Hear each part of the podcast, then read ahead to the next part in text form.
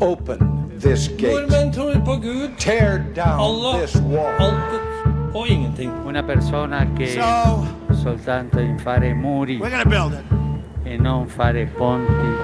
Neste stasjon er Drammen. Hei, og velkommen til Ypsilon-samtaler, en podkast fra Kirkelig dialogsenter i Drammen. Mitt navn er Ivar Flaten, og i denne episoden snakker jeg med Haldis Kirkeng.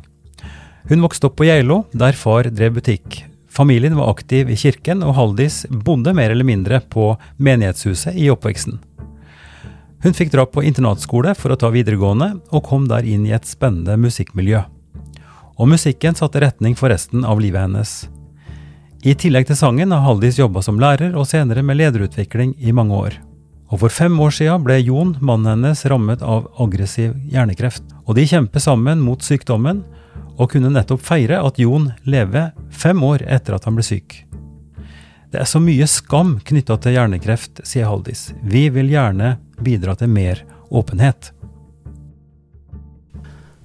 Haldis Kirkeng, da sitter vi her og skal ha en samtale. Eh, Jeg har gleda meg til det lenge. Så hyggelig. Ja, ehm, du, du har drevet med mye, og du er, du er kjent for flere ting. Men det som jeg gjør i disse samtalene, først og fremst, er jo å få et bilde av starten. Mm. Altså, hvor kommer du fra? Hvordan var barndommen din? Hva var omstendighetene? Så hva kan du fortelle om det? Ja. Jeg er jo fra Geilo, jeg må begynne med det, da. Geilo i Hallingdal. Mm. Har eh, vokst opp som eh, eneste jente i en familie med tre brødre. Oi, ja. Og eh, far som var eh, Han likte å kalle seg for visergutt. Men han var forretningsmann og drev med dagligvare først, og så ble det møbler etter hvert. Mhm. Så jeg har på en måte vokst opp i butikk, som de sier, På Geilo. på Geilo. Mm. Mm. Hvordan var det å være jente da med så mange brødre? Uh, Fight, er du fighter, eller er du bare snill jente? Jeg er liksom nummer tre. Vi er to kull. Ja. Uh, pappa mista sin første kone i et astmaanfall, faktisk. Mm. Eh, så traff han etter hvert mamma, og så ble vi to til. Så, men jeg har alltid sett på alle tre som mine brødre. Det er de jo. Så jeg mm, Ja, jeg har vel eh, Med en litt sterk far og gutter rundt meg, så har jeg vel blitt en som eh, tør å stå litt opp for meg sjøl, kanskje. Mm. Eh, og så har jeg en mamma som var hjemmeværende. Kom fra Ål i Hallingdal, og begge var i utgangspunktet bønder. Mm. Eller kom fra bondefamilier. Mm. Så jeg tror jeg har sånne røtter som veldig mange nordmenn har, da. Mm. Vi snakker jo så mye om norske verdier for tida. Ja. Hva er, hva er norske verdier? Er, og vi snakker også kristne verdier. Mm. Eh, ofte i en slags retorisk sammenheng hvor jeg sier at vi må ikke miste våre kristne norske verdier. Nei. Hvordan ble du innpoda i kristne norske verdier hjemme hos deg? Oi, ja, det er et stort spørsmål. Mm. Jeg har jo vokst opp i kirke og menighetshus og livet rundt det. Hva betyr Alt det? med- å vokse opp ja, i menighetshus? Ja, hva betyr det? Du, Mm. det er ehm, Det var jo ofte sånn at når man var, eh, som mine foreldre, da, kristne og organisasjonsmennesker i tillegg, så gikk man gjerne i kirken klokka 11 på formiddagen på søndag. Mm. Og så hvis det skjedde noe på menighetshuset, mm. som da lå i tilknytning gjerne, så var vi der på kvelden. Og da kunne det være mer disse svære kaffekjelene som var eh, sånn sølvfarget, ikke sant, med ordentlig bedehuskaffe. Og så var det gjerne varm solo og bløtkaker og sånne ting, da. Så det er den typen den typen oppvekst. Det var trygt, og det var eh, eh, sikkert, på en måte. Det var rammer, Mm. og de kunne også være strenge. Ja, Og i noen tilfeller altfor strenge.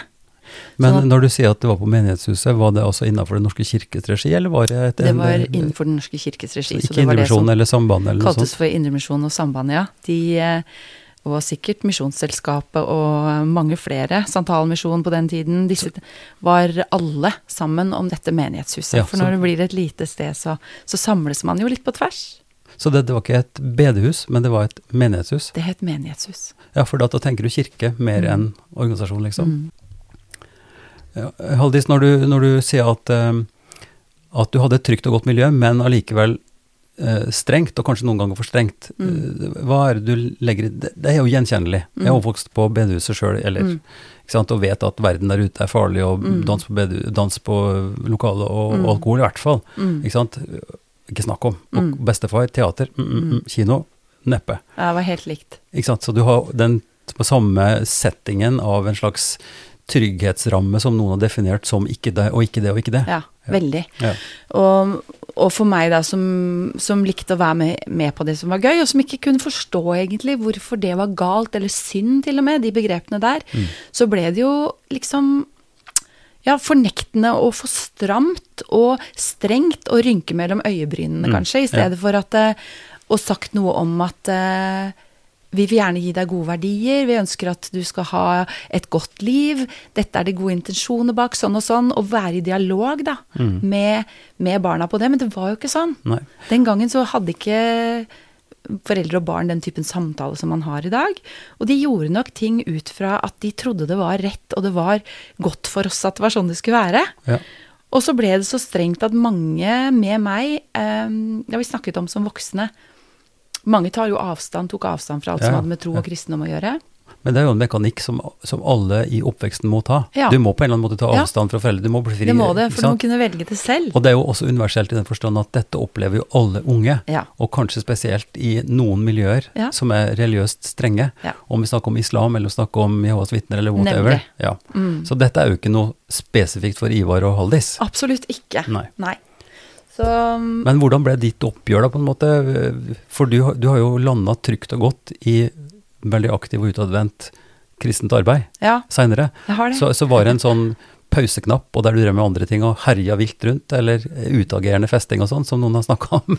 Nei, det blei veldig lite av det, altså. Ja, ja. Men uh, uh, jeg må jo si at, at jeg hadde det godt og kjærlig hjemme. Mm. Sånn at det var ikke, ikke bare det at det var strengt, det er viktig at jeg får litt balanse på det, kanskje. Men jeg eh, når jeg var 15 år, så var jeg ferdig på ungdomsskolen, og da går veien videre til et gymnas som ligger fem mil unna, Mm. på Gol. Ja. Og begge foreldrene mine visste at jeg ble så bilsjuk. Å Ja. kjøre da buss i fem mil hver vei hver dag, det ble for heftig. Mm. Så samtidig som de nok har innsett dette og gjort seg sine tanker, så hadde det vært en prosess i meg hvor jeg hadde gjort meg noen tanker Mm. om et gymnas som lå langt borte, men som var et internatgymnas. Ja. Mm. Øh, og jeg tror at det var jeg som foreslo det. Det Ja. er sånn jeg husker det. Mm. Og så fikk jeg lov, vet du. Ja. Og det var jo helt fantastisk for meg. Jeg var så klar for å reise. Ja. Og da var jeg faktisk bare 15 år, men reiste da til Kvitsund gymnas i Ja. Kvitseid, Ja. i midten av Telemark. Ja. Og hadde tre år der, som for meg var helt fantastiske. Det var stramt og strengt, det òg. Det var Misjonssambandet som hadde regien. Mm. Men man finner jo sin vei. Og sammen med 130 andre i alderen 15 til 18, liksom, så ble det veldig Ja, jeg hadde absolutt eh, skolearbeid som skulle gjøres der, og det var vekt på det. Men eh, vi hadde mye gøy utenom, altså. Så for meg ble det en sånn Det ble en frihet, og jeg ble nok tidlig voksen. Jeg måtte ta mine egne valg og ble veldig selvstendig tidlig. Mm. Og samtidig har jeg tenkt på det når jeg selv fikk egne barn, og de ble 15, så syns jeg jo de var så unge. Og det at de foreldrene mine lot meg dra, og det tapet det er, da, at du ikke, ikke faktisk er sammen med barna dine i de viktige årene hvor de òg formes mye, det må jo ha vært et tap for mine foreldre også. Mm. Men jeg syns det er interessant, for nå er det jo stor ståhei. Nå har det kommet en ny lov for to livssynssamfunn. Eh, og det ble gjort et eh, Altså det var en hestehandel, naturligvis, politisk. Mm. Men hvor det ble sagt noe helt spesifikt om et, nettopp et overnattingstilbud i forbindelse med trossamfunn. Okay. Og, eh, eh, Fordi de, de, har kalt det SFO og sånt, men de har altså i, i en lokal moské her i, i byen, så har de et tilbud for ungdom der foreldrene ønsker at de skal eh, drive med lekselesning og ha tilsyn av å bo i deler av uka, og noen ganger hele, hele uka. Så jeg har, jeg har noen ganger lekt med den tanken, altså hva er skjøten, eller hva er forskjellen på, på det og det som du har opplevd, og det som veldig mange har opplevd ved at de drar langt hjemmefra på en internatskole. Mm. Nå er jo en slags mistankeretorikk som, som er knytta til dette, at det, der skjer det sikkert skumle ting. Mm. Det blir indoktrinert. Mm. Og det ble kanskje du òg? Altså kanskje, altså, for det var en veldig tydelig profil Mm. på Kvitsund Mm. eh, gymnas. Mm.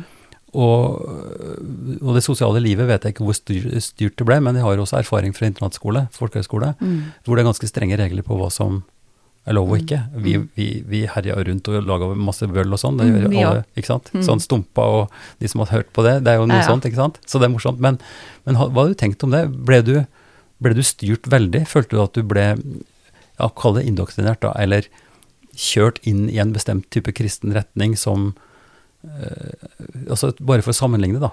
Er det grunn til å være mistenksom til det som skjer på på en sånn skole? Oi, det var mange spørsmål. Ja ja, men ta Jeg ble nok eh, Det kan godt hende at, du vil, at folk i dag ville sagt at jeg ble indoktrinert i forhold til at det var morgenandakt hver dag. Vi tok jo del i mange kristne aktiviteter og sånne ting. Men det var jo ikke bare kristne elever som var der, sånn at vi var jo en god blanding av ulike mennesker med ulik bakgrunn. Folk som hadde flyttet eh, til Spania f.eks., hadde jobber der, sendte barna sine hjem på internatskole.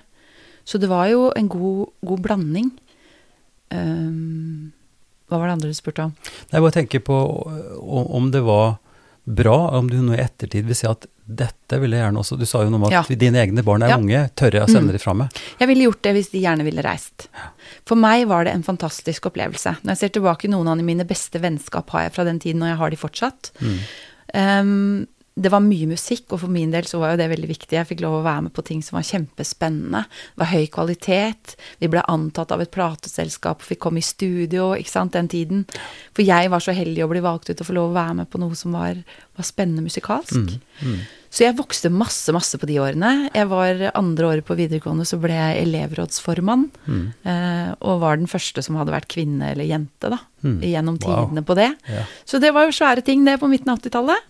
Mm. Um, og vi var med med, med band med trommer, eksempel. Og det var jo ikke alltid helt greit i, Det var ikke bakover i tiden. kontroversielt, nei. Nei, det er rart å tenke på i dag. Helt komisk. Rytmegitar og trommer i kirka, det var jo Ja. Ja. Say no more, altså. Men samtidig så var det jo ingen tvil om at rammene på den tiden på Kvitsund var fryktelig strenge. Sånn at Og også en type tro og teologi som var um, pietistisk og ganske streng. Mm. Så for meg så ble det det siste året når jeg var russ og skulle se meg om etter noe nytt å gjøre, så valgte jeg å følge musikken og dra til et sted som eh, Det heter Grimstad bibelskole. Ja. Mm. Hvor det var en, eh, en lærer jeg hadde hørt om, som het Trond Andersen. ja, ja. Som da drev et veldig veldig bra musikalsk arbeid der nede. Så egentlig var det drivkraften min for det. Minnekoret, Ja, heter det. ikke sant? Ja. Mm. Eh, så å komme til Sørlandet og oppleve noe annet, og det var en snuoperasjon for meg. Mm. At det var så mye glede. Mm. Og for, jeg er nok et menneske med kort vei til begeistring, Ja. Mm. så for meg så traff dette utrolig bra. Mm. Eh, og jeg ble vokalist i band, og vi gjorde masse gøy og meningsfullt. Og møtte en mann der som ble min mann. Ja, nettopp. nettopp. Det kan vi snakke mer om. Men, eh, men det er interessant, tenker jeg, at en ideologi og en måte og en drivkraft i den skolen som er veldig sterkt innramma og streng og teologisk, kanskje på et sted hvor vi ikke helt ønsker å være, noen av oss, eh, så ikke bare overlevde du, men du fikk en skikkelig boost. Altså det skjedde mye, eh, kanskje da ikke på tross av, men i hvert fall innafor den, den ramma.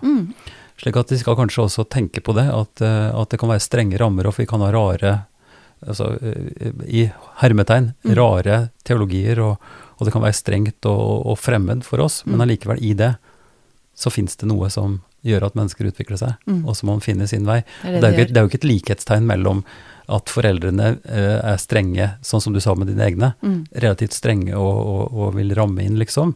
Så betyr jo ikke det at du er sånn. Nei, det gjør ikke det. Eh, Og heller ikke likhetstegn mellom barn og unge i andre sammenhenger. Altså Man er ung, og man skal finne sin vei. Og, Ja. Og det å ha et, en trygghet rundt seg er kanskje, kanskje det viktigste premisset. Ja. Trygghet kommer- rundt seg, og samtidig da identitet med de andre som er unge. Ikke sant? Og det jo, det jo at vi de ble jo veldig viktige for meg, siden jeg ikke hadde foreldre eller andre av mine voksne rundt meg. Så blir det jo viktig hva venner betyr og sier og mener og er for en. Så jeg vil påstå at mine vennskap ble veldig tette, og for mange av oss som var der, veldig eh, tette og livsviktige, egentlig. Du lytter til en podkast fra Kirkelig dialogsenter i Drammen. I dagens episode snakker jeg med Haldis Kirkeng. Men så, eh, hvis vi da blar litt videre i denne livshistorien, så kom du til Grimstad på, på en bibelskole som hadde en veldig god musikklinje. Eh, men så kom du videre også, lærerskole. Ja. Fortell ble litt mer om det. Ja, du traff Jon der, men det kan vi si litt mer om senere. Ja. Ja, da ble det etter hvert det. Da ble det først et år med teologi, kristendomskunnskap, grunnfag, som det het den tiden. Mm. Og så ble det mm, engelsk grunnfag og mm, lærerskolen. Mm. Da flytta vi til Hamar. Ja. Mm. Så det var eh, Det er grunnutdannelsen min. Ja. Og lærerskolen var ikke noe kristelig skole. Nei, nei, nei. Eh, Jeg gikk jo på lærerskolen i Oslo, som i utgangspunktet var en indremisjonslærerskole. Det var ikke mye spor av da jeg gikk der på 2000-tallet. Men, eh, men eh, hvordan opplevde du studentmiljøet, og også du som da fra bibelskolen og inn, var det en befrielse, var det bare en fortsettelse? Hva slags miljø ble det for det der? Jeg vet det, jeg har egentlig ikke tenkt så veldig mye på om de sto for det ene eller det andre, eller um, Det var en ganske sømløs overgang, egentlig. Mm. Jeg har alltid omgått folk av alle slag, sånn at det gjorde jeg på skolen på Geilo, det gjorde jeg gjennom livet mitt ellers. Så jeg har, har ikke tenkt så mye på at det var eh, noe krevende overgang sånn. Nei. Nei. Vi hadde helt greie år på Hedmarken, men ikke sånn at det var der vi hadde lyst til å bosette oss. Så da, når eh, han som da ble min mann, Mm. eh, skulle ha jobb, Mm. eh, og vi hadde et lite barn da, og jeg hadde lyst til å bruke tid sammen med han litt, Ja. så ble det tilbake igjen til Liertrakten, og Jon fikk sin første jobb på Gullaug, faktisk, sammen Ja. med din kone. Ja, nettopp. nettopp. Og, men jeg, når jeg spør sånn, så er det fordi at jeg har egen erfaring. Jeg gikk jo på teologi på Menighetsfakultetet, Mm. eh, og, og slutta der av flere grunner, og begynte på lærerskolen.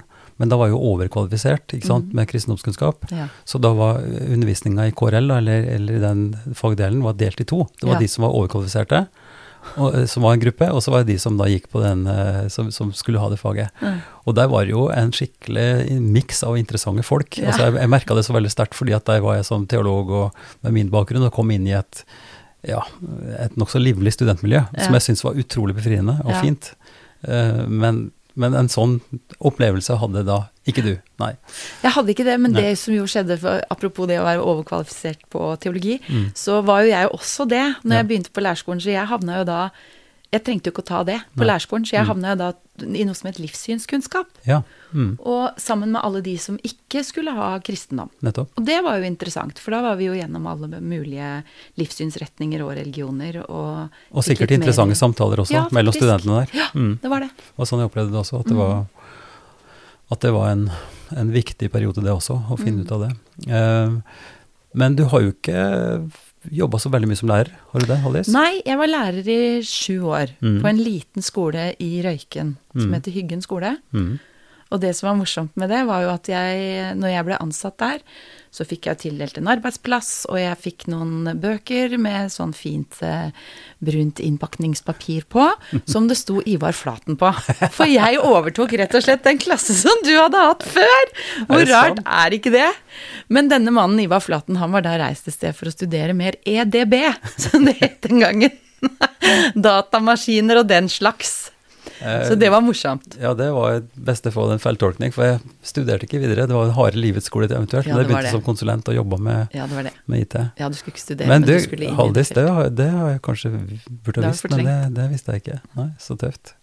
Men eh, ja, Hyggen er et trivelig sted. Liten skole og, og tett, tette forhold og Mm. ja, alt mulig. Men så gikk veien videre, og du har jo Jeg vet jo at du har jobbet både i noe som heter Willow Creek, og du Mm. jobber nå i Compassion, så du, du er innafor en type eh, skal vi si, i hvert fall mer religiøs overbygning, eller tros, eh, Ja, ble- trosmessig overbygning. Men Willow Creek er jo Si litt om det, for det er kanskje ikke så mange som vet hva er. Nei, um, det var i 99 det at jeg ble spurt om, å, å, om jeg hadde lyst til å søke på en stilling hvor de skulle ha noen til å bygge opp et kontor i Drammen, mm. som skulle være et slags ressurssenter for kirkeledere i første rekke. Mm. Helt eh, på tvers av kirkesamfunn. Og det syns jeg var veldig spennende, for jeg har jo sunget hele veien underveis Ja. i, i hele mitt liv, egentlig. Ja. I veldig mange ulike uh, sammenhenger. Kanskje vi skal ta et sidesprang, eller bare ta det først, fordi at eh, musikkarrieren din er jo også veldig interessant. Du har gjort mye på den sida. Du snakka om fra Kvitsund, så var du så heldig å få være med Ja. i et prateprosjekt, og da har du på en måte fulgt musikken mer enn også minikoret og osv. Kanskje vi skal Vil du si litt mer om det først? For det er jo Mhm. sånn jeg har måte hørte og sett det mm. mest, som Ja. sanger. Mm. Mhm. Ja, det, det ble jo et valg jeg tok når jeg begynte mm, og tok musikklinja, og etter hvert altså, så kjente jeg at dette er noe jeg egentlig ikke kan leve uten. Mm. Det oppleves for meg som en måte å formidle på, hvor jeg ser at jeg kan, jeg kan komme inn i en setting, enten det er en begravelse eller det er et selskap, med en tekst eller en melodi eller noe som gir mennesker noe på et helt annet plan. Det går ikke bare til intellekt eller Nei. hodet, men det, det går rett til hjertet, eller av og til også magefølelsen. Mm. Um, og kan bety en utrolig forskjell inn i en sammenheng. Og det har vært veldig viktig for meg å få lov å bidra inn i sånne settinger. Mm. Og så er det for meg, både der jeg er i dag, men også underveis, så har det vært en livsutfoldelse. Mm. At jeg ble vel gitt et talent, kanskje, som jeg har gjort eh, Jobba litt, i hvert fall, med å holde ved like. Og uh, ser at det har vært meningsfullt både for, av og til for andre mennesker, og også for meg sjøl, da. Mm. Ja. Åpenbart. Også den som har sett deg i aksjon, vil jo kunne skrive under på det. I, I forskjellige slags sammenhenger, egentlig. Du har jo vært i, i sånn veldig skal vi si, heftig gospel, eh, Mm. amerikansk gospel-type musikk, men også mer, skal vi si, singer-songwriter, eller den, Ja. den rolige formidlingsformen som du nå snakket om først. Ja, altså at du har noe på hjertet som du vil formidle, som ikke er bare tekstinnhold og kognitivt, men også rammes inn av et hjerte eller en, Mm. et ønske om å Mm. nå ut, da.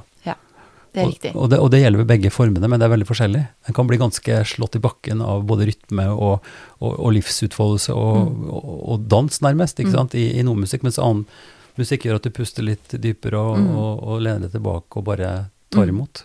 Ja, og min opplevelse er vel at vi trenger begge deler. Ja. Og jeg trenger begge deler. Mm. Du trenger trøkket og gleden og livsutfoldelsen og alt det glade der. Og så trenger man ja, også egentlig sånn klagen og trøkket. Det kan også være Det trenger ikke bare være gladinnhold. Det er noen som snakker om gladkristne. Det trenger ikke bare være det. Mm. I Bibelen så er det en hel bok som heter Klagesangene, liksom. Det er gitt Ja. plass for å få lov å være Ja, til med hele det menneskelige, da. Mm. Så I høy grad. Altså det, er, jo- det er jo det eksistensielle. mm, Salmenes bok òg, i Bibelen, er jo interessant og rørende og mm. forstyrrende, på en måte. Eller rystende. Og poetisk og vakker og Ja, alt alt, alt på en gang. fordi at Mm. mange av de salmene er jo nettopp klagesalmer. Hvor folk skriker ikke sant, til Gud. Mm. Uh, og det, det man, kan man også gjøre i musikk. Mm. eh, i, i, I alle slags former, Mm. egentlig.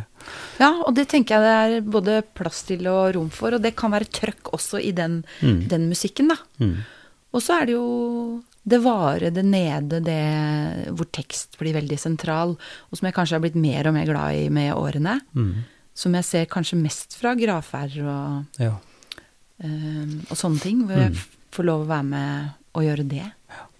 Mm. Og så tenker jeg at det er et, min erfaring òg, når vi snakker om, om religiøs tilnærming og hvorfor det er viktig, så, så opplever vi også musikken som, uh, som uh, noe mystisk nærvær, altså som ikke handler om tekst i det hele tatt. Mm. Men der musikken løfter en inn i en følelse eller i en gjenklang som, som er ordløs, da, Mm. men som er sterkt berørende, og, og som gjør at eh, ja, du kommer i berøring med noe som du ikke har ord for, og Mm. som, som heller ikke kan rammes inn. Mm. Da gjelder ikke dogmatikk eller, eller disse rammene og livsførsel. Det er bare at du nesten på samme måte som du kan bli slått i bakken av en høstdag på fjellet, eller Mm. Ikke sant? Eh, Det er større enn oss, tenker jeg. det er større enn oss, og det, og det handler om det store, rare opplegget med å, å bli på en måte å erfare. Mm. Det er jo noe som vi er redde for å snakke om, fordi at erfaring er så veldig subjektivt. Mm. Og nettopp det er jo kanskje noe av risikoen i, i, i små samfunn, at ens eller noens erfaring blir bestemmende for hvor alle andre skal Mm. erfare og, og, og oppleve. Mm. Men jeg tenker at um, i mitt arbeid, i hvert fall i, i det tverrkulturelle og tverrreligiøse, så er det et område som er dypt sett totalt felles. Mm. Og det er nettopp erfaringen Mm. av dette som vi ikke har noe ordentlig ord Mm. for. Som vi kaller Gud, eller som vi kaller Den hellige Ånd, eller hva det måtte Mm. være. Men det, det har så mange navn, og det har så Mm. mange begreper, for vi er så Mm. forskjellige. Ja. Men erfaringen av noe Mm. som vi blir rørt av, eller Mm. som vi blir dratt inn i, eller Og det tror jeg mange mennesker kan kjenne seg igjen i, dette med erfaringen av noe. Det syns jeg er veldig godt sagt. Det at det er på tvers av Og det er ikke bare på tvers av religion eller kirketilhørighet i det hele tatt. Nei. Det er på tvers av kulturer, på tvers av landegrenser. mm. Alle kan forstå dette Mm. med musikk. Eller stillhet. Um, Eller stillhet. Eller dans. Eller uh, voldsom natur i alle sin, Ja. sine former. Ja. Mm. Nei, så det, det syns jeg er viktig, og jeg har jo en, eh, en guru som jeg aldri slutter å forbløffe meg over eller blir glad i, nemlig Martin Lønneboe, Mm. Som skriver mye om dette. Og han eh, I 75 så skrev han en bok som heter 'Religionens fem språk', og det meste av den boka handler om erfaring. Mm.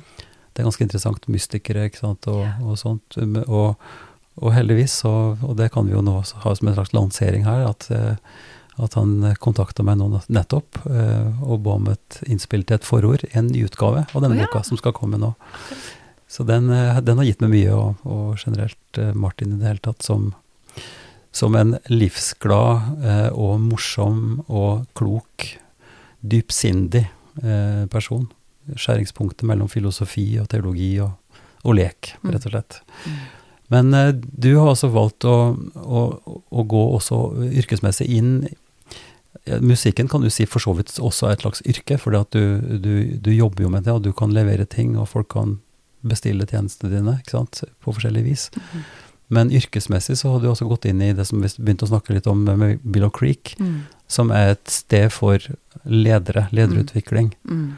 Um, så hva er, hva er greia, liksom? Hvorfor Og lederutvikling kan jo være noe, så coaching, og det er jo en svær industri Mm. med lederskap og sånt. Mm. Kristent lederskap og, og Mm. kristne ledere, hva, hva er greia med det? I 1999 så var det ikke så mye på det. Og i Nei. hvert fall ikke i- kristne sammenhenger ikke så mye. Og ikke så satt i system da, som det det ble gjennom Willow Creek. Jeg tror at vi opplever ulike bølger til ulike tider. Mm. Og kanskje var dette en bølge, da, men den kom på et tidspunkt hvor det var behov for den, og den var viktig. Mm. Ehm, jeg ble da sittende på et kontor. Jeg begynte i uh, en stilling hvor det var litt udefinert akkurat hva jeg skulle gjøre, og var litt med på å definere det sjøl. Og det begynte egentlig litt med at folk fikk vite at det var noen konferanser på gang. Jeg drev mye med å, å sette opp konferanser og seminar om ulike temaer. Mm. Um, og så ble det et ressurssenter hvor prester og pastorer også ringte inn fordi de skulle bestille noen bøker, kanskje, eller noe ressursmateriell, eller bestille en foredragsholder, et eller annet sånt. Og så ble de sittende av og til i en samtale med meg. Mm. Og da handla det om at i Norge, fordi vi har så små team rundt kirkeledere, dette er jo frikirkelige sammenhenger også, så er det så mange som er aleine. Vi er et grisgrendt langt land. Mm. Og mange har ikke så mange å støtte seg på. Mm. Og da ble jeg en sånn eh, litt nøytral samtalepartner Ja. som det gikk an å si litt om hvordan dagen var, og fikk lov å bety noe inn i en sånn sammenheng. Ja. Det var fint. Ja. Og så kom jeg ut på konferanser, og da var det alt fra seminar om verdier, f.eks., hvor det kanskje kom bare 40 mennesker, Mm. til eh, noen av de største konferansene jeg arrangerte, hvor det var 1650 mennesker i Stavanger Forum. Um, hvor det var store talere som var inne, Ja. liksom. Så det som lokka, var da folk som hadde en eller annen eh, status, eller Ja, kjent, eller en ekspertise eller gitt ut bøker om noe som var et veldig aktuelt eh, tema. Og da hadde vi jo også videooverføringer fra USA med Jim Collins og Patrick Lencioni, som er store lederguruer på sitt Mm. felt i USA, da, om uh, good to great og uh, the five dysfunctions of a team, og det var mange sånne ting, og både Ja. teamledelse og Mm. Og lederskap på alle mulige områder som, som man snakket om da i kirkelig sammenheng, men som man også snakket om i alle andre sammenhenger. Ja. ja. Mm. Så folk kom jo med business-skoa sine på ja. også. Mm. Og den miksen, både på tvers av, det betydde masse for meg, og det kjenner jeg brenner for. Mm. At å brenne, altså, altså brenne noen broer og bygge noen eh, Bygge noen nye Mm. mellom sammenhenger som kanskje ikke har eh, vært så mye sammen før. Mm. Um, vi hadde adventistene plutselig, var det mange av de som var inne. Um, sammen med liksom, hele metodister og pinsevenner og Kirken den norske og hele pakka. Mm. Ja. Og dette holdt du på med noen år. Jeg, i, jeg ble daglig leder der og var der i 14 år. Mm. Mm. Så på det største så gjorde vi også mye mange ulike typer konferanser om smågrupper. Vi gjorde det om eh, barnearbeid, f.eks. Altså barne, barnearbeid høres jo helt grusomt ut i dag. Jo, men Det- arbeid det er jo ikke å sette barn i arbeid, men arbeid for barn. Ja, nettopp. Ja. Men dette er altså en, en tverrkirkelig, frittstående Ja. Hva, Hvem er det som eier det? Er det, er det en Ingen eier det. Nei. Det, var, det ut, hadde utgangspunkt i en menighet i USA som ønska å gjøre Ja. en, Mm. En kirke, å gjøre kirke relevant Ja. for dagens mennesker, rett og Mm, slett. ja. Trenger formen stå i veien for det vi egentlig, egentlig diskuterer? Så, så Eller- hjelp meg med å tror. få beskrive Willow Creek Norge. Er det en, en egen organisasjon? Nei, det var et eh, Det er jo hva skal jeg si, et, et ressurssenter, tror jeg heller vi kan kalle det. Ja. Mm, Ja. mm. Du lytter til en podkast fra Kirkelig dialogsenter i Drammen. I dagens episode snakker jeg med Haldis Kirkeng. Men så gikk veien videre fordi eh, Var det fordi at på en måte, det ble for mye anledelsestilbud? Altså tørka det inn, eller var det fordi at du ville gjøre noe annet? Eller hva var greia? Nei da, for mi, i mitt tilfelle så var det vel at etter 14 år så, så gikk veien videre, rett og slett. Jeg fikk en telefon en dag i mai. Mm. Uh, og på forhånd hadde det skjedd noe som jeg tror jeg må fortelle. Jeg, jeg var jo i, i USA flere ganger i året i disse 14 årene. Mm. Og jeg, eh, fikk med meg noe som het Global Leadership Summit hvert år, som var en stor lederkonferanse i Chicago. Og et, der, der hørte jeg jo alt fra Bill Clinton live til um, folk fra Afrika. Så det var stort spenn på typen ledere som fikk uh, si noe. Mm. Alltid lederskap som var tema. Så en vakker dag, får jeg si, så kommer det en vakker kvinne på scenen som er, har hvitt hår, hvite klær. Litt sånn som moder Teresa, bare at hun var hvit. Ja. Hun altså, hadde hvite klær på seg. Mm. Um, og hun het Mama Maggie. Ja. Eh, hun hadde en veldig spesiell historie, men bare det Jeg satt på rad tre i en sal med 7500 mennesker, så jeg var jo så nær. Ja. Og så kommer hun på scenen og har liksom hvitt hår og et veldig tilstedeværelse. Det var helt spesielt faktisk å se henne, og jeg visste ikke mye om henne på forhånd i det hele tatt. Fra, var fra Egypt? fra Egypt. Ja. Og hun, Jobba på søppelhaugen der? ja, hun, hun var koptisk kristen, Ja, men var egentlig en veldig rik kvinne. Ung kvinne som tok legeutdannelse og ønska å bli lege. Og hun fortalte jo det, hun var vant med at ønska de seg en fin veske i London, liksom, så tok de fly, Ja. eh, privatfly, dit. Det var på det nivået. Oh, yeah. Og så er det en dag da, før jul, hvor hun da med sin sjåfør skal ut på disse søppeldyngene hvor det var mange fattige som levde, for å gi noen gaver da, ikke sant, før jul og lette sin samvittighet, som hun sa. Mm. Hvor hun da ser at det beveger seg på denne søppeldynga, og skjønner jo ikke helt hva det er med en gang, men det fester seg litt sånn i øyekroken. Og hun spør, og hun kommer fram, og liksom Det blir snakk om dette, og så er det jo barn. Mm. Og det tar så tak i henne, hun har aldri sett det før, og det snur livet hennes helt opp ned. Så hun har gitt livet sitt, og går i hvite klær på søppeldyngene der ute, og rett og slett gitt livet sitt til å hjelpe de som har det vanskeligst av alle. Og hun snakka om disse mine minste, Mm. på en måte som tok så tak i meg, at jeg satt i den salen og tenkte, her driver jeg med ledere, jeg jobber i Norge, jeg bor i Norge, jeg er på toppen av verden. Vi har, for eh, tolvte år på rad er vi kåret til verdens beste land å bo i, liksom. Ja, ja. Mm. Når skal jeg gjøre noe for disse mine minste? Mm. Og det tok skikkelig tak, men jeg hadde ingen, ikke noe svar på det, liksom. Disse mine minste, for de som ikke er godt kjent i Bibelen, så er jo dette et Ja, det er et, det er et bibelsk uttrykk for, Ja. for Det kan være mange ting, men det er et bibelsk uttrykk for, for barn, ja, eller for de som har det svak, er svakest i samfunnet. De som ikke har det godt. Svake og sårbare. Ja. Mm. Og det kan være mange ting. Mm, det kan være mange ting. Så jeg hadde med meg dette, og det er først nå når jeg ser tilbake på det, at jeg skjønner hvor viktig det, det møtet med henne var. Men det skjedde noe fordi jeg var så sterkt berørt at jeg hadde, jeg hadde tårer i øynene og var ordentlig Det traff meg ordentlig på mange plan. Mm. Og så kommer jeg hjem, og så er det Det går litt tid. Uh, et halvt år. Mm. Og så får jeg denne telefonen fra en som sier Hallis, vet du hva, jeg har fått en utfordring. Vi snakker om å starte opp en ny organisasjon i Norge. For å hjelpe fattige barn. Og jeg har blitt utfordra til å være generalsekretær, og jeg vil ha med meg deg på laget.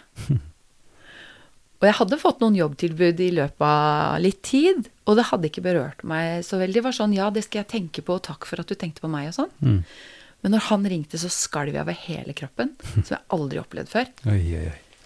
Det var rett og slett en eh, Full respons. ja, og en opplevelse av, i den grad man kan kalle noe et kall. Det er et godt og gammeldags ord, men i den grad man kan det, så, så var jeg liksom ikke så i tvil om at dette her tror jeg er noe jeg må. Mm. Og der har jeg vært i sju år. Ja. Og det er Mm. Compassion Norge. De er Compassion Norden. Norden. Det er Norge, Si Sverige, det. Danmark og Finland. Hvem, hvem og hva og hvorfor? Hvor, Ja. Altså enda en organisasjon. Ja. Hvorfor ikke Kirkens Nødhjelp? Hvorfor ikke Jo, det kunne Redd Barna? Hvorfor, bla, bla, bla. Det kunne godt vært. Og det er ikke Må så vi viktig ha kristne ting på alt mulig, liksom? Nei, må vi det? Må vi det? Og det kan godt hende at det hadde blitt eh, Kirkens Nødhjelp eller Plan eller sånne ting hvis det var de som hadde ringt, men nå var det noe sånn det ble Mm, for meg, ja, da. Mm.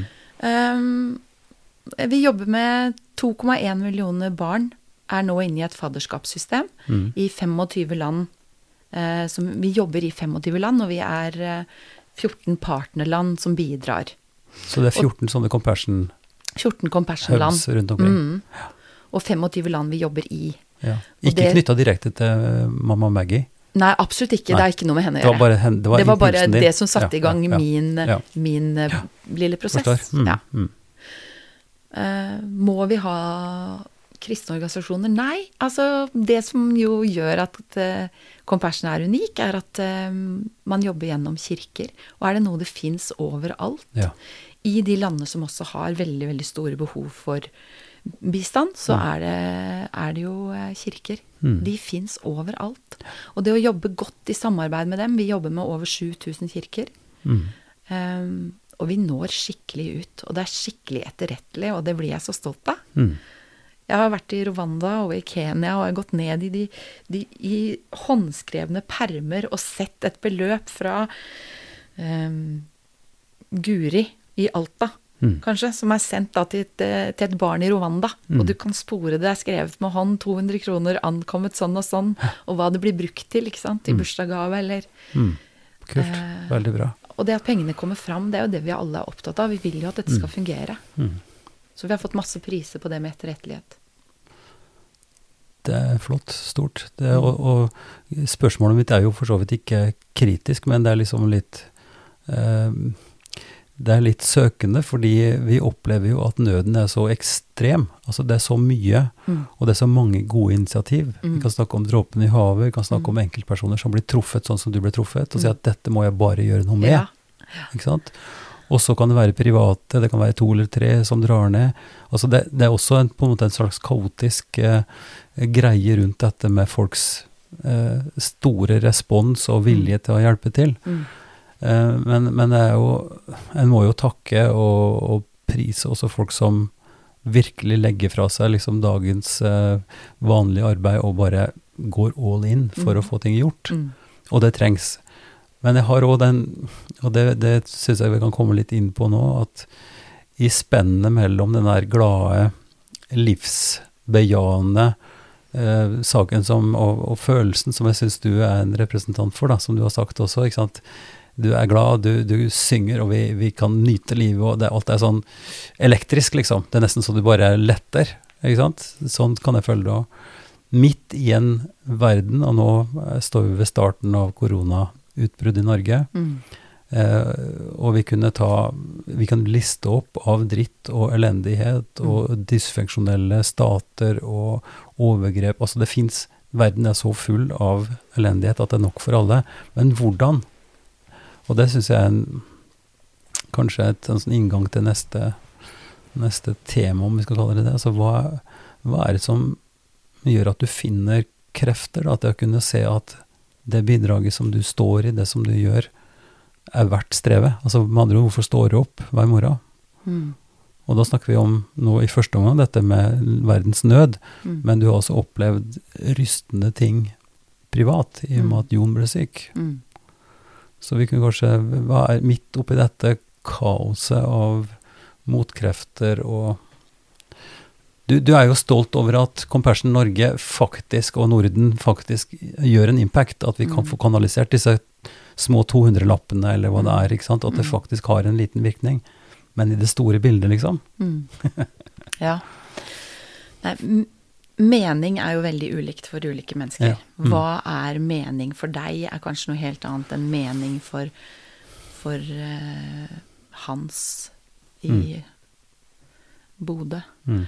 Men, men mening for meg har vært viktig. Jeg tror jeg har en slags sånn Orientere meg etter det. Mm.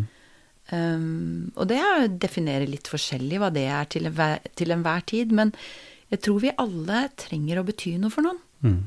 Og jeg tror at vi alle trenger å bli sett. Og være med på å se andre. I en eller annen betydning. Mm. Og hvis du vil ha meg inn i det som eh, jeg for så vidt forsto med, med Jon, så Altså, Jon ble alvorlig syk at- fem år siden. Ja. Det skjedde jo at, at jeg som 48 år gammel og Jon som 49 opplevde at livet ble snudd totalt på hodet. Mm. Fra en dag til en annen, bokstavelig talt, for det var halv ett om natta. Hvor han da opplever et stort epileptisk anfall. Og for å gjøre det kort, så så ble han grå i ansiktet og slutta å puste, og jeg fikk lagt han i stabilt sideleie og eh, fått tak i ambulanse, eh, og han var borte i 50 minutter. Hm. Og det er lenge. Det er lenge. Eh, hvor jo, vi jo tror, jeg og, og ambulansepersonalet, at dette er et slag. Um, han våkner på sykehuset og mm, kan snakke, og vi tror at dette er noe som er over. De har tatt sete av hjernen, og vi som Å, det var fantastisk at det ikke var et slag, du er jo liksom deg selv, og sånne ting. Og bli inn, han blir jo liggende da på sykehuset, og mm, etter et halvannet døgn så blir vi innkalt til et møte med overlegen. Mm. Som jeg aldri glemmer, for hun satt på en sånn der eh, rullende kontorstol. Mm. Og hun rulla bort mot Jon. Og setter seg så nærme at knærne hennes nesten berører hans. Og så sier hun eh, Jeg må fortelle deg noe som ikke er greit. Mm. Vi har oppdaget at du har en hjernesvulst. Og i det øyeblikket så er min mann sånn at han, han er så full av oppdrift at det første han da leter etter, er jo liksom en løsning eller en sånn Sier du det? Ja, hva betyr det? Mm. Og så går vi inn i det, og hun forteller mer, og, og vi skal til, han skal sendes til MR. Nå snakker jeg vi-form, for i fem år så har det vært Ja, vi, fordi vi ble syke den dagen. Ikke bare Jon, men vi ble det. Mm. Um, og så er det en alvorlig ondartet kreft, Mm. grad 3. Eh, det, Verdens helseorganisasjon inndeler dette i fire grader. 1, 2, 3 og 4. Hvorav 3 og 4 er høygradig. Og han har høygradig hjernekreft. Og vi var så heldige nå at vi fikk feire hans femårsoverlevelse. Det, det er på det. 27 av de som har høygradig hjernekreft, som, som opplever fem år. Mm. Og det hadde vi nå, og det feira vi, for det syns jeg er verdt en feiring. Men livet har jo vært veldig annerledes. Vi har to barn. Um, og livet har jo traff oss jo hardt, alle sammen. Og Mm. de som står rundt. Han har begge sine gamle foreldre i livet også. Um, fordi vi jo vet, og som Jon sier sjøl, da, ingen vet når de skal dø. Og det er helt sant. Mm. Men samtidig så vet han at han skal dø, og vi vet at han skal det. Mm.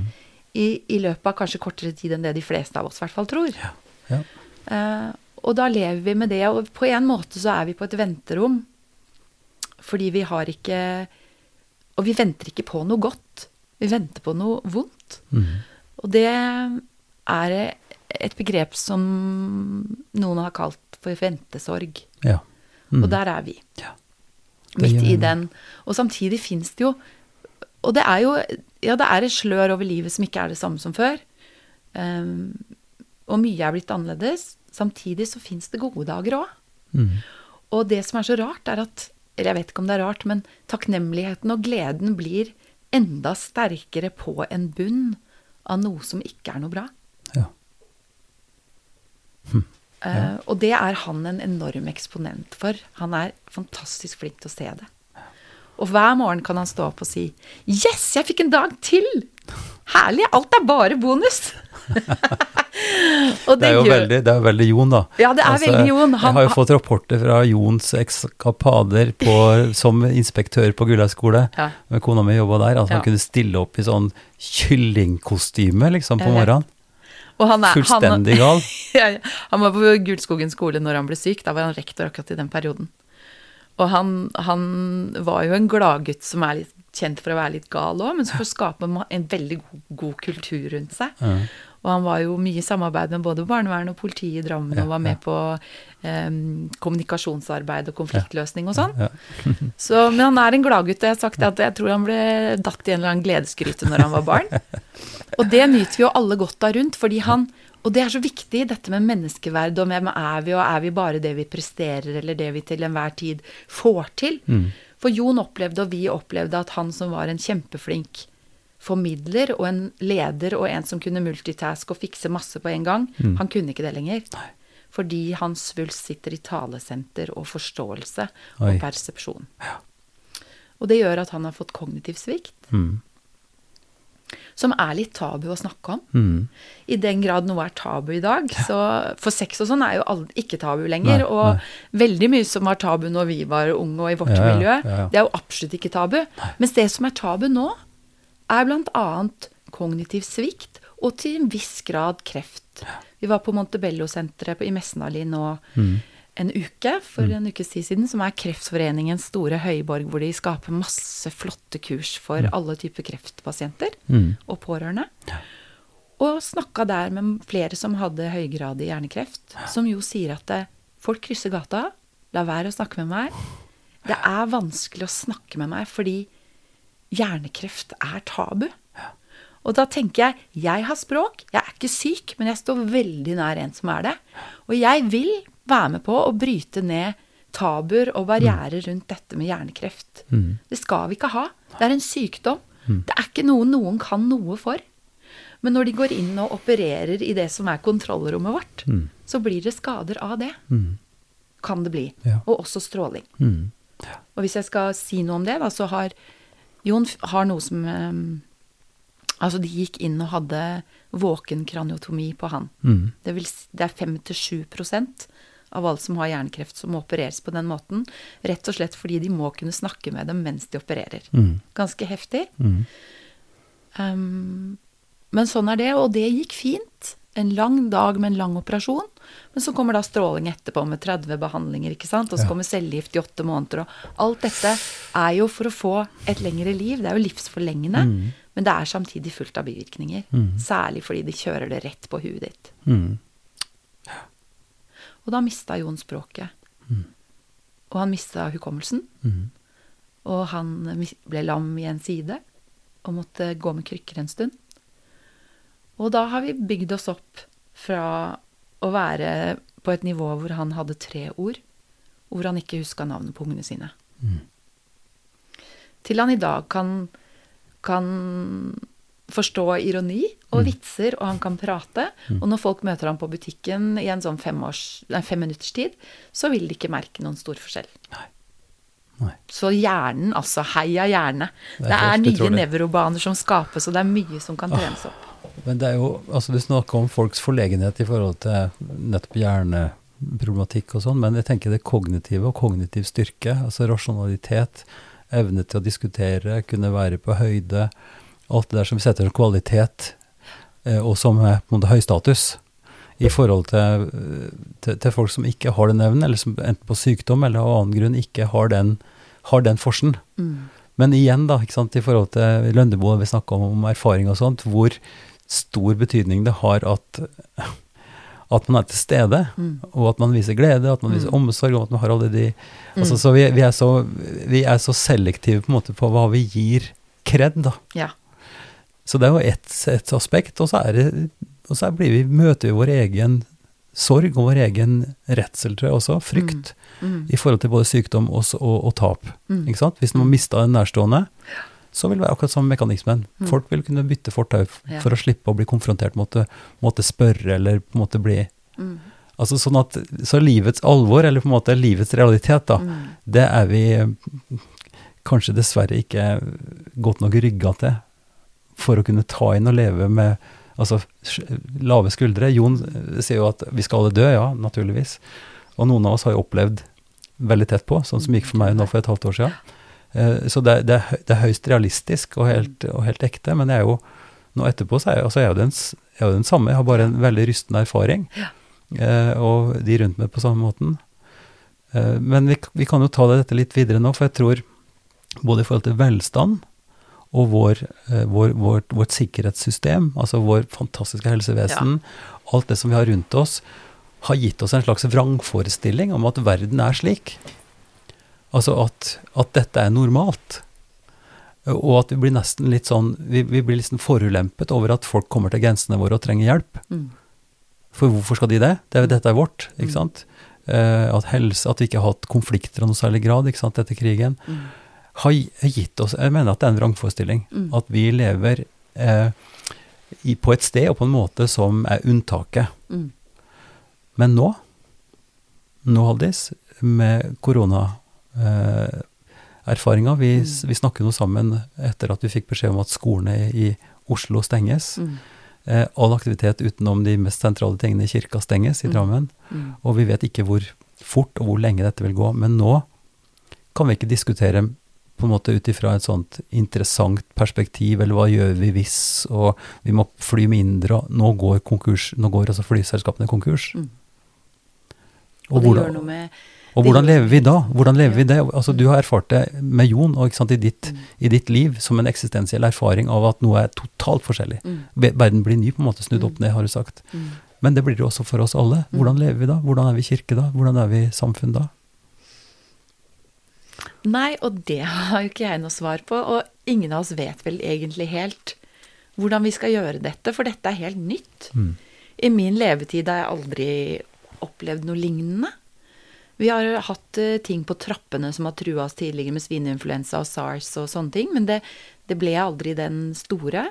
Men nå snakker man jo om kriseberedskap på en annen måte enn tidligere. Om det vi kan håpe, er at det blir en dugnad nå som gjør at ja, vi stenger, ja, vi slutter å, å tenke bare på oss selv og jeg reiser, jeg, liksom. Mm. Men at vi heller demper dette nå, tar den dugnaden det er, og tar dette på alvor. Og så ser vi om kanskje dette her ikke piker så mye, men at det kanskje kan flate noe ut fordi vi alle har gjort noe for å få det til. Mm. Men hva som skjer med samfunnet vårt, er permitteringer mange steder. Hvis sårbare yrkesgrupper nå La oss si de får Det er vel ikke snakk om lenger hvis de får korona på sitt kontor eller i sin bedrift, men når. Mm. Og da er det plutselig karantene for de andre, og hva skjer da? Hvem skal ta dette videre? Mm. Nei, og det, og det blir på en måte en eksistensiell og en praktisk og en veldig konkret utfordring. Mm. Eh, Kall det trussel, eller en, en omfattende ting som vi må ta inn over oss. Mm. Og da spørs det jo igjen, da, hvor er fotfestet vårt? Mm. Altså hvem er vi, Mm. og hvem er de andre? Mm. Og hva gjør vi for at vi skal kunne bidra midt i krisa? Ikke? Blir vi kyniske og sjølopptatte og sier at dette går til helvete uansett, så Mm. Eller hva, hva gjør vi? Og jeg tenker sang, som du snakker om. Mm. Altså synge håp, synge mot. eh, sørge for å forankre seg sjøl. vite hvem vi er. At vi, at vi kan få gjort lite, men vi kan få gjort noe. Mm. Så den, den motivasjonen som du har fått gjennom dine foreldre, gjennom ditt liv, i den tjenesten du har, i Compassion og i din, sang, det er vel prinsipielt det samme vi skal gjøre Mm. fortsatt. Mm. At vi skal sørge for at vi er eh, realistiske, trygge, og at vi gjør det som er nødvendig. Mm. Og at vi ikke går ut i verken katastrofefantasier eller, eller, eller frykt. Nei, og det syns jeg òg er litt viktig, fordi media gjør jo sitt beste, og de skor seg jo også på dette. Nå er det klart de skal informere, men det er jo ingen tvil om heller at frykt selger. Mm. Og jeg liker ikke helt den, sak, den delen av det heller. Altså, eh, vi skal jo ikke bare frykte eller bli flytte på hytta eller bli eh, fullstendig introvert i dette her. Men, eh, sant? Det, men det, det- det fins jo grupper som Det fins eldre folk som sitter helt alene hele dagen og kanskje ikke kan eh, ventilere med noen. mm, at vi, det går an å ta telefonen mm, det det. og snakke med mennesker. For det er jo det er noe med at i sånne situasjoner som dette, så er det jo ikke bare bra å sitte aleine i karantene inne i et hus heller. Vi trenger å snakke sammen. Vi trenger fortsatt fellesskap. Mm, Og trenger hverandre, da. mm. Så det er det å finne vei i denne vellinga. Men det, dette er jo et, sånt, et mønster som jeg snakka mye, som jeg har vært veldig opptatt av lenge før eh, korona. Altså at vi er, ofte er fryktbaserte Mm. og får næring til frykt og mistanke. eh, Og snur ryggen til hverandre før vi egentlig har sjekka. Mm. Altså Vi har glemt det som vi har fått råd om. ikke sant? Tell til ti, pust med magen, Mm. tenk etter. eh, Bruk eh, huet ditt, bruk bondevettet du har fått. Mm. Og det tenker jeg gjelder nå òg, sjøl om det nå er mer, mer press for oss. Mm. Haldis, tusen takk for en eh, fin samtale. Jo, takk skal du ha at jeg fikk komme. Du har nå lytta til en episode fra podkasten Ypsilon-samtaler utgitt av Kirkelig dialogsenter Drammen. Ansvarlig utgiver er Ivar Flaten. Podkasten er støtta fra Drammen kommune og fra Barne- og familiedepartementet. For mer informasjon kan du gå til hjemmesida vår ypsilonsamtaler.no.